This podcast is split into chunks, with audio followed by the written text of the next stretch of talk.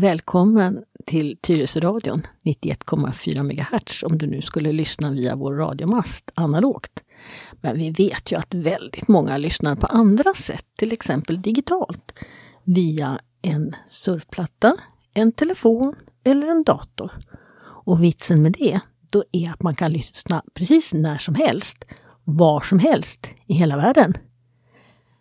Jag heter Lena Hjelmerus och jag sitter ju som vanligt inte ensam i den här studion för jag tycker om att ha lite sällskap. Vem är här med mig idag då? Det är herr Leif Bratt. I när- sina bästa år. Och när, och när herr Bratt i sina bästa år sammanstrålar med gamla trötta doktor, pensionerade doktor Lena Hjelmerus, då är det doktor Lenas hörna det gäller. Och det kanske du redan har hört på den här musiken som vi har som signaturmelodi. Som heter eh, More Human, alltså mera mänsklighet. Och det är det den här hörnan handlar om. Jaha Leif, hur står det till med dig? Jag har inga symptom. Jag sitter på behörigt avstånd från dig så jag tycker jag, jag kunde komma idag. Ja, och trots att du är min sidekick så sitter du så långt bort så du kan inte sparka mig på benen. Nej, och det har det inte funnits anledning till heller. Men det, det- kan ju uppstå en fraktur då. Ja, men lite verbala sparkar kan vi ju utdela ibland. Men vi är ju inte som, vi är ju inte som vissa presidenter i andra länder inte. Nej. Nej, just det. Jag undrar vem du tänker på. ja, vi, vi, vi glömmer honom nu va? Ja, Honom? honom glömmer vi ja. Ja. Ja, alltså tänkte du på någon annan kvinnlig president? Jag vet inte om det finns, finns ja, på Island ibland brukar det dyka upp någon kvinnlig president om jag minns rätt. Jo, men det finns nog några stycken i världen. Det tror jag det gör. Men ja, det har jag inte läst på till idag. Nej.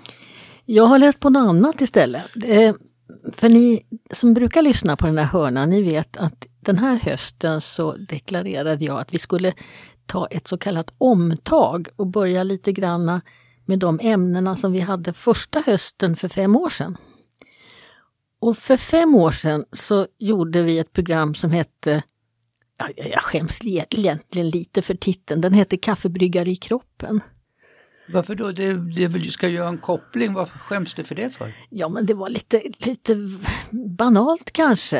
Eh, Man Men måste ta till sådana knep för att fånga intresse. ja, och vi har ju faktiskt kaffebryggare inuti kroppen. Eh, Vi har något som heter njurar. Och de funkar på samma sätt som en kaffebryggare. De, de filtrerar genom filter. Så det, man häller i en sak och så kommer det ut något annat. Ja, men då slog det mig helt plötsligt, vi har ju någonting som heter binjurar också, har de något samband med varandra? Inte mer än att de sitter, binjurarna sitter som en liten mössa ovanpå njurarna. Och de har vi också gjort egna program om, men de har ingenting med det här med filtreringen att göra. Jag tänkte inte vi skulle prata så där väldigt mycket om den normala njurfunktionen, annat än att vi har ju två stycken. Och då kanske... Vem- vi har två stycken njurar menar du, inte två fu- funktioner? Nej, två stycken njurar. Eh, vän av ordning kanske då undrar, måste man ha två? Ja, det är väl bra om den ena blir utslagen? Ja. Något ja, jag vet inte hur de blir Ja, utslagna. visst är det praktiskt. Det är ju sånt här säkerhetstänk. Man har en, en, en till. Och är det så att den ena njuren av någon anledning blir utslagen, då klarar man sig faktiskt på en njure. Vi har två lungor. Ja, man klarar sig på en lunga också, fast det, det är nog enklare att klara sig på en njure än vad det är att klara sig på en lunga. Ja. Ja. Men den där njuren som, om den nu blir ensam kvar, då växer den lite och blir lite större. Så att funktionsmässigt funkar den i alla fall som minst en och en halv. Har du några mer frågor om vad njurarna, de vanliga, liksom? Nej, men menar, man konstaterar då, finns det, först då, vi ska ju prata om när eh, eh, njuren slutar fungera och det tror jag man kallar njursvikt. Finns det några andra sjuk, jag har aldrig tror jag hört en njurcancer. Jodå, det ja, finns ja, det. men Mhm. jag har inte. Nej. Nej. Det finns ganska mycket allt sånt här knas som kan drabba kroppen. Infektioner, ja, att man är född med någon form av missbildning. Njurarna kan skadas som en del i en sjukdom som drabbar hela kroppen. Och sen kan man ju också naturligtvis råka ut för olyckor där en, en njure skadas. Vet du var njurarna sitter? I kroppen? Ja men nej, nej. Ja, men, det är väl här i, i mellangärdet så här? Veka livet heter det. Eh. Nej, så långt ner. Nej men veka livet är ungefär... Eh, Runt midjan? Ja, ryggen, lite nedanför midjan, ja. ryggen. Ja. Och de sitter väldigt fint skyddade in, innanför en massa stora muskler. Men de ligger utanför bukhålan. De har alltså ingen förbindelse med tarmarna utan det, de är skilda ifrån bukhålan. Och det där är, är, ganska viktigt. Ja, att de, att de sitter så att de, in, de inte skadas i första taget. Men du, får jag bara fråga, det, det knasar till sig med njurarna. Eh, finns det några Alltså, ja, olyckor och sånt eh, kan ju hända, men jag tänkte med, som lungor och rökning, finns det något annat livsstils, eh, ja, som kan försämra eh, framtiden för ens njurar? Ja, njurarna har, spelar en väldigt viktig roll i blodtrycksregleringen. Och då är det också lite tvärtom, att har man problem med sitt blodtryck så kan man få problem med sina njurar. Men det är ju, det är ju ingen livsstilsfråga, eller? Ja, om man, om man lever på ett eh, osunt liv så får man nog lite högt blod, blodtryck. Aha. Mm. Eh, sen är det en, en vanlig sjukdom som orsakar trassel med njurarna, det är ju sockersjuka, diabetes. Njurarna tar skada om man inte sköter sin sockersjuka. Och det är framförallt då de som eh, får mm, diabetes i, i tidig ålder barn ungdomsdiabetes. eh, det som brukar kallas diabetes 1. Då. Eh, skillnad mot diabetes 2 som är det åldersdiabetesen. Men även åldersdiabetiker kan få njurproblem. Du, du använder ju ibland begreppet eh, folksjukdom när du har pratat om olika åkommor. Är, är njur, njurproblem eller njursvikt, är det en folksjukdom eller det? Nej, inte, det är ju inte så att säga en egen sjukdom utan som vi alldeles nyss sa så kan ju njurarna drabbas av en massa saker. Men om man säger att njurproblem och sockersjuka, där får vi nog räkna in njurskador som en folksjukdom. Sen finns det ju också en del människor som har lätt att få stenbildning. Eh, Njursten? Ja. Och det är inte en folksjukdom men det är ändå relativt vanligt. Eh, och det ställer till mycket problem. Och sen har vi alla kvinnor som får urinvägsinfektion och där det kanske inte håller sig ner i urinblåsan utan att det vandrar upp i njurarna. Och det är väl inte folksjukdom men det är också när man börjar få problem med sina njurar, njursten, infektioner, då, då är ju den närmsta vad ska säga, ingången för bakterier, det är ju genom kisset. Så att eh, det, det finns faror för njurarna. Men om jag vänder lite på, vi pratar här sjukdom, sjukdom, sjukdom. Eh, eh vad botar man? Eh, eh, eh är, ja, kan man bota njursvikt eller? Ja, mycket är ju förebyggande då. Se, se till att man har, har man en sockersjuka så ska man hålla ha bra koll på den. Har man högt blodtryck så ska man sköta sitt blodtryck. Har man lätt att få infektioner så ska man eh, kanske utredas lite extra om det finns något annat skäl till att man får så mycket infektioner.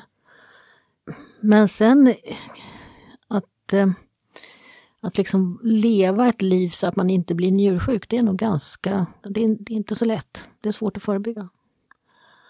Och sen är det en annan sak och det är ju att de här, det här organet, det får ju jobba hela livet. Det står ju aldrig still. Det arbetar och arbetar och arbetar och arbetar. Och ju äldre man blir, desto långsammare går den här kaffebryggan. Om du, om du har en vanlig kaffebryggare så måste du kalka av den emellanåt för att den slammar igen.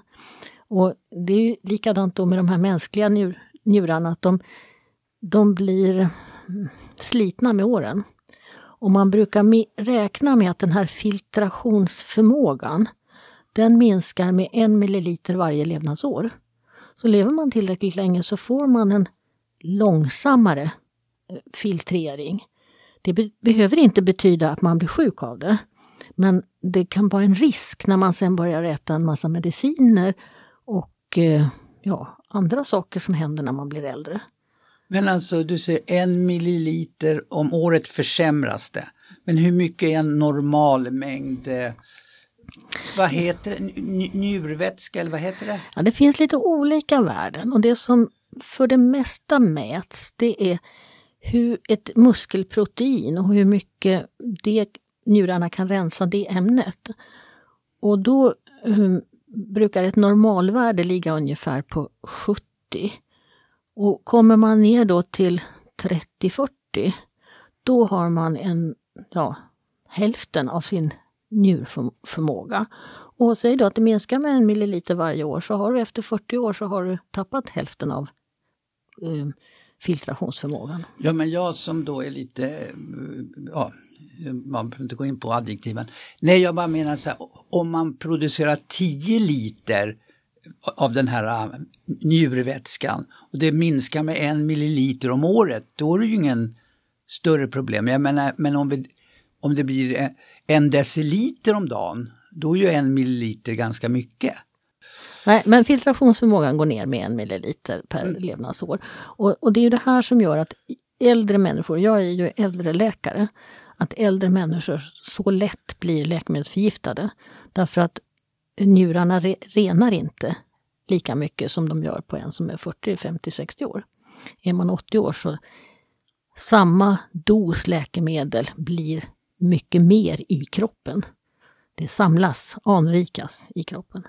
Det finns ingen, alltså, för sin åkomma, alltså det man tar medicinen för kanske inte tål en mindre mängd medicinering men Samtidigt om de då är dåliga på att filtrera så har man ju lite gratis ja. medicin kvar. Ja, man har gratis medicin. Man så då skulle man kunna dra ner på... Ja, man brukar, ja, när jag gick min utbildning då sa man eh, dra ner alla doser till hälften. Eh, och det var ett ganska bra råd. Sätt ut allting som går att sätta ut och dra ner resten till hälften. Det var liksom den regel som jag fick lära mig då innan vi hade möjlighet att mäta läkemedelskoncentrationer. Men nu finns ju det där, njurarna finns ju hos i princip alla människor. Så det, det kan ju inte vara så att det ska filtrera bort eh, medicinrester. Vad är det mer som filtreras bort genom njurarna? Ja, det viktigaste det är ju då ett ämne som kallas för urinämne, urea. Och det, det är när du frågade efter njursvikt och det är när urean börjar stiga, då blir man mår man dåligt. Man mår illa, man börjar samla på sig vätska i kroppen så man blir svullen. Man kanske får magsår. Det är lite märkligt men det hör ihop. Och man får klåda. Och, kan jag ändra kosten så jag får i mig mindre urea? Ja, man brukar avråda från vissa födoämnen Eh, som bildar mycket urinämne. Och sen så brukar man avråda från salt. Och de ämnen som bildar mycket urinämnen det är ju proteiner så att börjar man bli riktigt njursviktig då kanske man får gå ner till 40 gram protein per dag och en saltfattig kost. Och det där smakar inget vidare. Det är ingen rolig mat.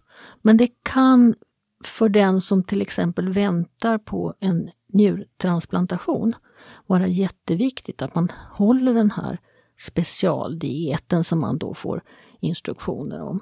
Men den här urean som du pratar om, det är protein eller kommer? Mm, det är en restprodukt av protein. Mm. Ja. Spelar ja, om jag äter fiskprotein eller köttprotein eller sojaprotein eller alltså vegetariskt protein, är det något som är sämre eller bättre? Det är nog ungefär. Det finns ju, protein är ju en massa olika aminosyror. Ja, ja. Och en del aminosyror bildar mera urea i slutet än vad andra gör. Men det, det, är inte så det är inte så viktigt att det ingår i de här specialdieterna spe, speciellt. Ja, det är vissa ämnen ska man undvika. Ja, då, man kan då hitta recept. Nu ska man ju laga grön mat säger de, ja. men man, man, jag tänkte man kunde då också då fundera på, ja, för att ta bort proteiner så kan man kanske hitta ett recept som är mycket kolhydrater och fett. Ja, det kanske man kan göra. Ja. Jag tänkte lite senare i programmet jag skulle prata om, om den här patientföreningen som är för njursjuka människor. Och det är, som alla andra patientföreningar så är det jättebra de här, de här föreningarna. Och där kan man alltså få tips om mat om man nu eh, behöver ha någon form av kostrestriktion. Det, man måste skilja lite på när njurarna plötsligt skadas och lägger av Och när njurarna långsamt då med stigande ålder till exempel får sämre och sämre funktion. Och då pratar man alltså om akut njursvikt och kronisk njursvikt. Alltså, jag som lekman, finns det några tidiga symptom? Nu, alltså inte nu om det är olyckor och så, utan det håller på att gå Ja, det är den här klådan, illamåendet. Vad har jag klådan över hela kroppen? Ja, hela kroppen. Det är ju sådana symptom som man söker för, för det är ganska obehagliga symptom. Så de flesta som börjar få sviktande njurar, de kommer ju till vårdcentralen. Och då har man olika blodprov där man mäter så att säga hur bra njurarna kan både det här att hur man kan filtrera, sila, men också eh, njurarna har också en funktion att koncentrera urinen. Och det är också sånt man mäter. Och då får man ibland samla allt kiss från ett helt dygn i en dunk. Och det kan också vara lite knepigt att hålla på att göra. Men det är ibland nödvändigt för att man ska kunna få ett bra grepp om hur njurarna fungerar. Du sa klåda och Illamående. Klåda och illamående ska man mm. börja mm. fundera. Men det är så pass eh, påtagligt så att eh, man begriper att man ska gå och... Ja, det är det. Ja. Och, och, det finns också andra sjukdomar naturligtvis som kan ge klåda och illamående. Botemedel då? Ja, det beror på lite. Och är det en akut njursvikt, till exempel en infektion, och det har väl pratats lite grann nu även om att coronapatienter som har legat i respirator också har fått akut njursvikt. Det kan ju alltså eh, vara ett något tillstånd där plötsligt det blir så mycket fel i kroppen att njurarna lägger av. Och då är det nog så att man ganska tidigt börjar med en, att sila blodet, eh, filtrera blodet utanför kroppen, det som kallas för dialys. Har man en kronisk njursvikt och är, är lite till åren, då kan det också bli fråga om dialys. Men då måste man fundera lite mer över hur är resten av kroppen i för kondition. Och är man, är man lika gammal som det står i eh, personbeviset eller är det så att man möjligen är 10 eller 20 år äldre därför att kroppen är så sliten? Alltså det finns andra ställningstaganden då. Men alla sådana här bedömningar eh, om vad man ska göra, det sker ju då av specialister, njurmedicinare och då kallas det för njurkliniken eller de har också ett latinskt namn, kanske nefrologer. Och då får man en remiss från sin vårdcentral till de här njurmedicinarna. Och där tas då sådana här beslut som att ska man påbörja dialys eller inte. Eh, har du, eh, har du hört talas om dialys? Vad vet du om dialys? Nej, jag ungefär som du säger, jag förstår att det är någon slang från kroppen med, med blodet som går igenom någon apparat och sen så förs det tillbaks till kroppen, renat då. Mm. Så mycket vet ja, jag. Ja, så mycket vet du. Ska vi börja med att tala om att det faktiskt var en svensk som uppfann den här första konstgjorda njuren. Och det är inte så länge sedan, jag minns det ju. Eh, jag började studera medicin 1968 och 1967 så kom den första konstgjorda njuren. Så det är inte längre tillbaka än så att säga min yrkesverksamma period. Och det var ju revolutionerande. Och det var ett företag nere i Lund som heter fortfarande Gambro. Fast nu har det köpts upp av andra företag. Och eh, eh, Gambro beror på att den låg på Gamla Brogatan. Det tycker jag är lite roligt faktiskt. Man döper sitt världsunika företag som tillverkar det första konstgjorda njuren i världen efter en gata. Ja. Det måste vara skåningar som gör sånt. Hörru. Eh, han som hittar på det här, han hette Alvall och han är väldigt okänd egentligen. Vi, man vet att den här njuren är svensk, eller den här uppfinningen är svensk. Personen, han har liksom kommit bort. Utan istället så är det då en affärsman som liksom gick in med pengarna och fick ordning på företaget som heter Crafoord. Och han är väl lite mera känd. Eh, och, och, som sagt, det här har ju blivit ett av Sveriges stora företag. Fast numera då är det ägt av, ja det är väl amerikanare tror jag, som har köpt upp det. Det är i alla fall inte längre ett svenskt bolag. Men det kan vi vara stolta över. Var, tycker du att det, det är en sån viktig apparat, alltså dialysapparat, borde ha fått ett Nobelpris? Ja, det tycker jag faktiskt, för det har ju utan dialysen så hade man ju inte kunnat vänta och vara i bra skick den dagen det dyker upp en njure som kan transplanteras.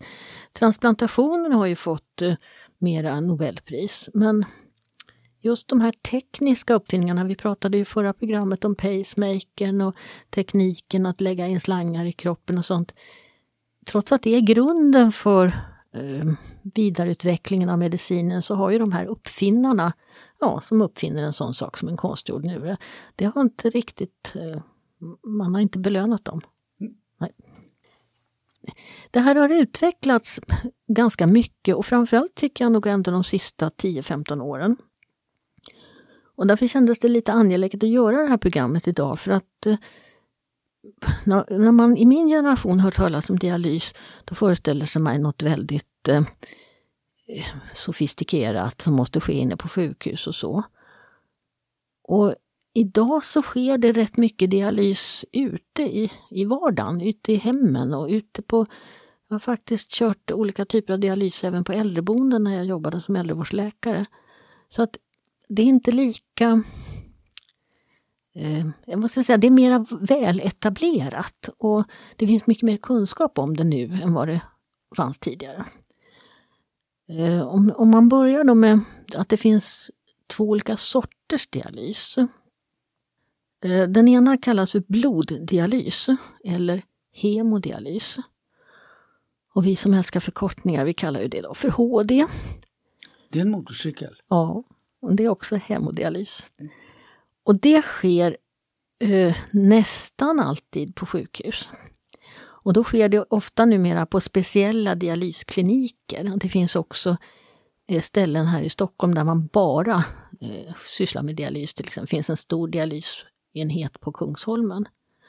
Och det finns också inom privata sjukvården eh, dialysenheter som man nästan som en slags hotell. Man är ute och reser i världen så kan man gå, vara ansluten till en sån här kedja och så kan man få sin dialys när man är ute på semester.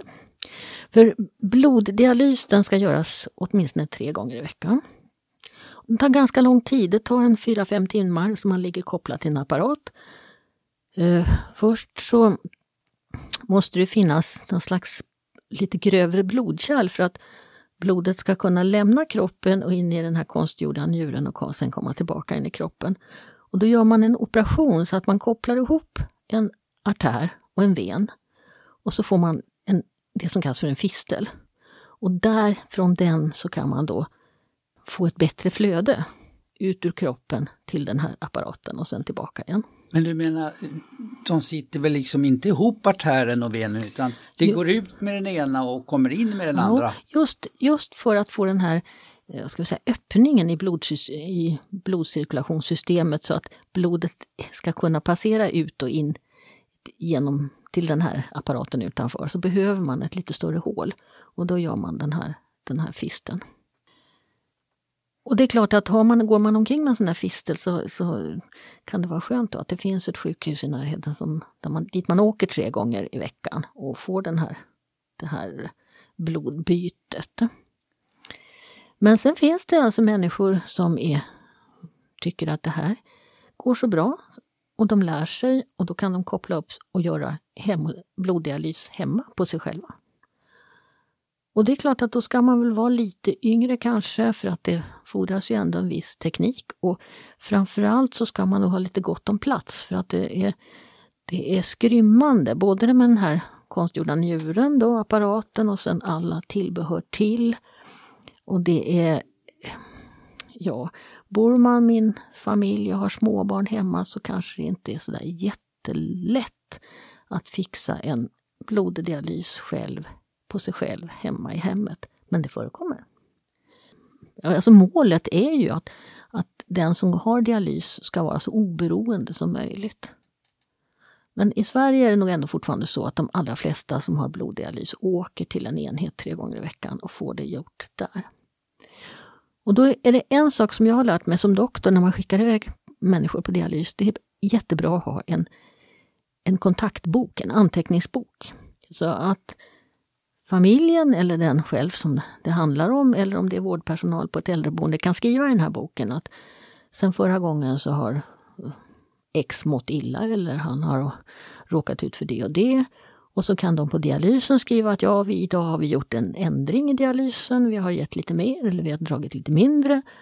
Så att man har en, en, hela tiden en dialog mellan dialysavdelningen och det ställe där den här personen annars vistas. Eh, och det, det är en väldigt bra grej, att ha en sån där bok. Som man, vad ska jag säga, någon slags dagbok, eller den följer med hela tiden. Och det där är inte alltid som sjukvården eh, kommer på att man ska ha en sån där bok. Ibland är det den som går i dialys som faktiskt får fixa det här. Och det är en sån här sak som man kan få tips om på den här sidan som jag pratade om. Patientföreningen kan visa hur man skriver en sån här bok och hur man, vad som är viktigt att skriva i en. Sen finns det en, en annan typ av dialys. Um, har du några mer frågor förresten om det här med bloddialys innan vi fortsätter? Nej, inte för tillfället. Dyker inte upp någonting. Och den är inte lika vanlig den här andra sorten. Men den är, ska vi säga, lite mer lik den naturen själv. Och det är något, där silar man inte utanför kroppen i en apparat utan man silar inuti kroppen och så använder man bukhinnan som filter.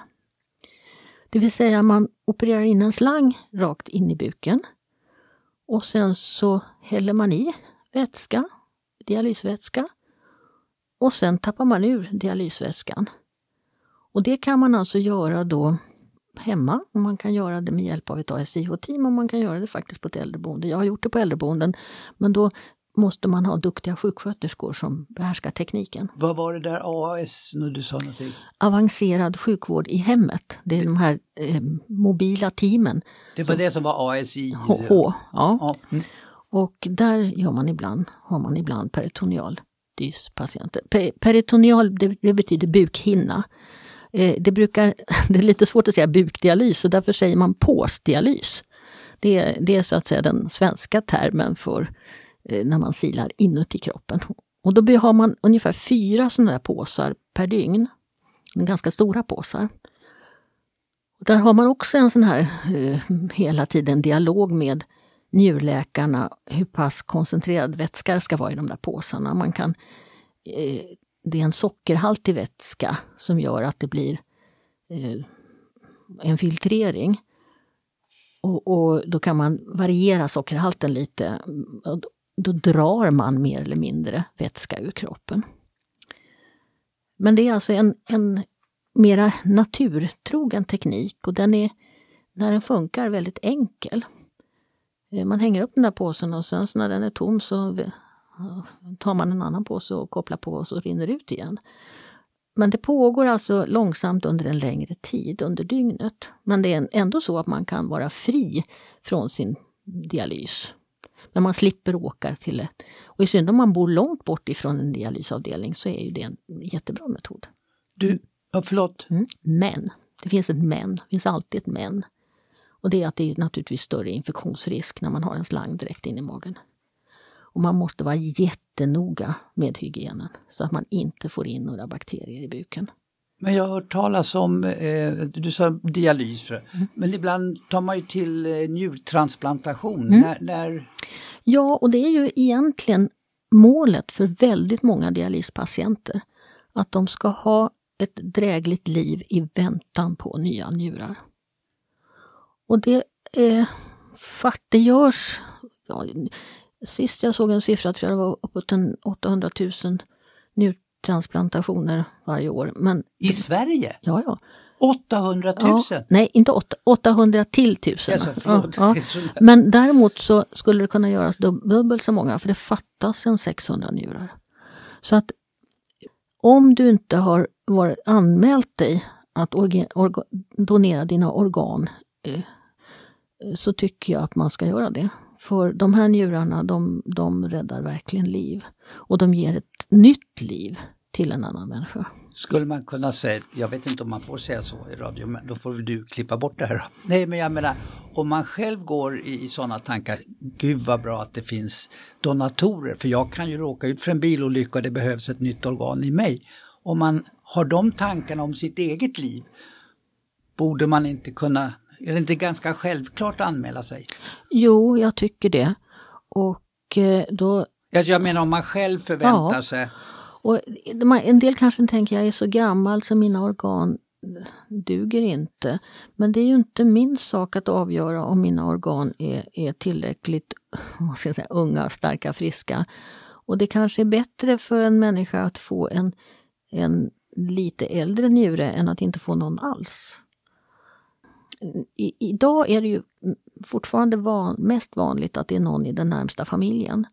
Och där vet vi ju att prins Daniel har fått en njure av sin pappa.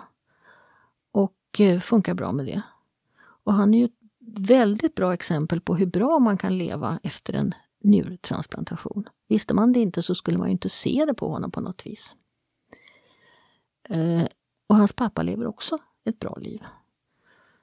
Jag tycker... Men, men det vanligaste är, inte, jag vet inte vanligt, men det är väl inte helt ovanligt att det är just en människa som har varit med om en livshotande olycka och så går det inte att rädda livet. Då vill man, farbror doktorn gärna veta, kan vi ta något organ här? Så att, Ja visst, att det, det är ju de här stora trafikolyckorna där, där eh, människan är så svårt skadad att man, är- man är död, man i hjärnan är död.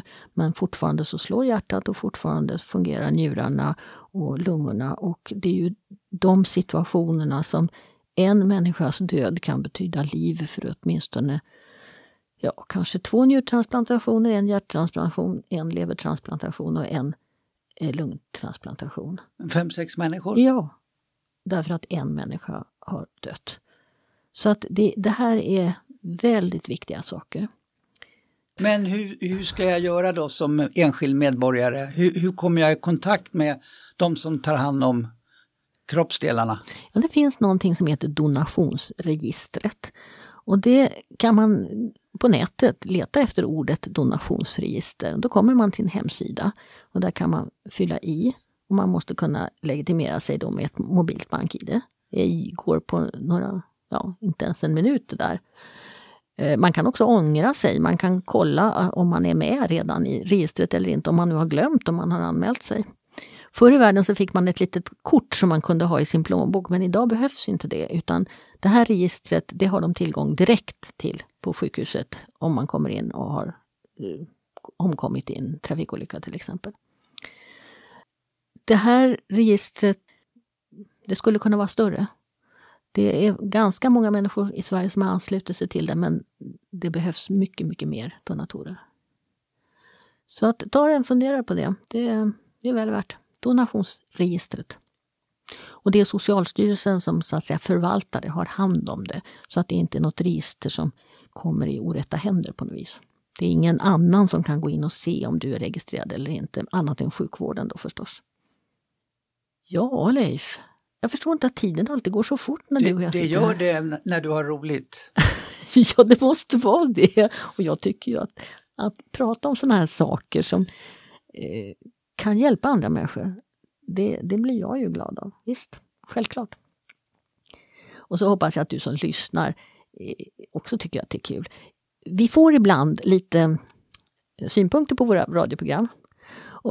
En synpunkt som jag får ibland är att min röst är lite sövande. Och då ska jag bara säga att det gör ingenting. För det är också en medicin, att kunna sova gott och sova lugnt. Och är det så att man känner att man har missat något, då kan man ju lyssna en gång till. Ja men de som har tillgång då till dator eller laptop eller någonting sånt där, då kan ju de ta ett program av dig istället för sömnpiller. Ja, visst. Så minskar belastningen på njurarna. Ja, och vet ni vilka program jag somnar så bra till? Alltså, naturligtvis till unga herr Bratts röster. ja, Ja, det nej. där var en spark, verbal spark. Under bordet, ja, ja. men då så. Ja. Det, men jag brukar sätta på dem sen igen. Jag brukar höra färdigt dem, men jag brukar somna efter åtta minuter. Hörni, tack för idag. Vi återkommer om tre veckor med nya spännande ämnen. Och har ni frågor, synpunkter, hör, hör av er till vår Facebook-sida. Eller så kan ni också skicka info snabel-a tyresoradion.se. Tack för.